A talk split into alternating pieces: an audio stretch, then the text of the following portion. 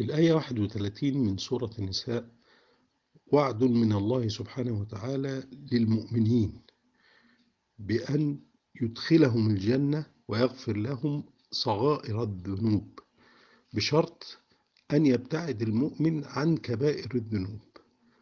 الكبائر اللي هي كالشرك بالله وعقوق الوالدين وقتل النفس بغير حق والزنا وما إلى ذلك.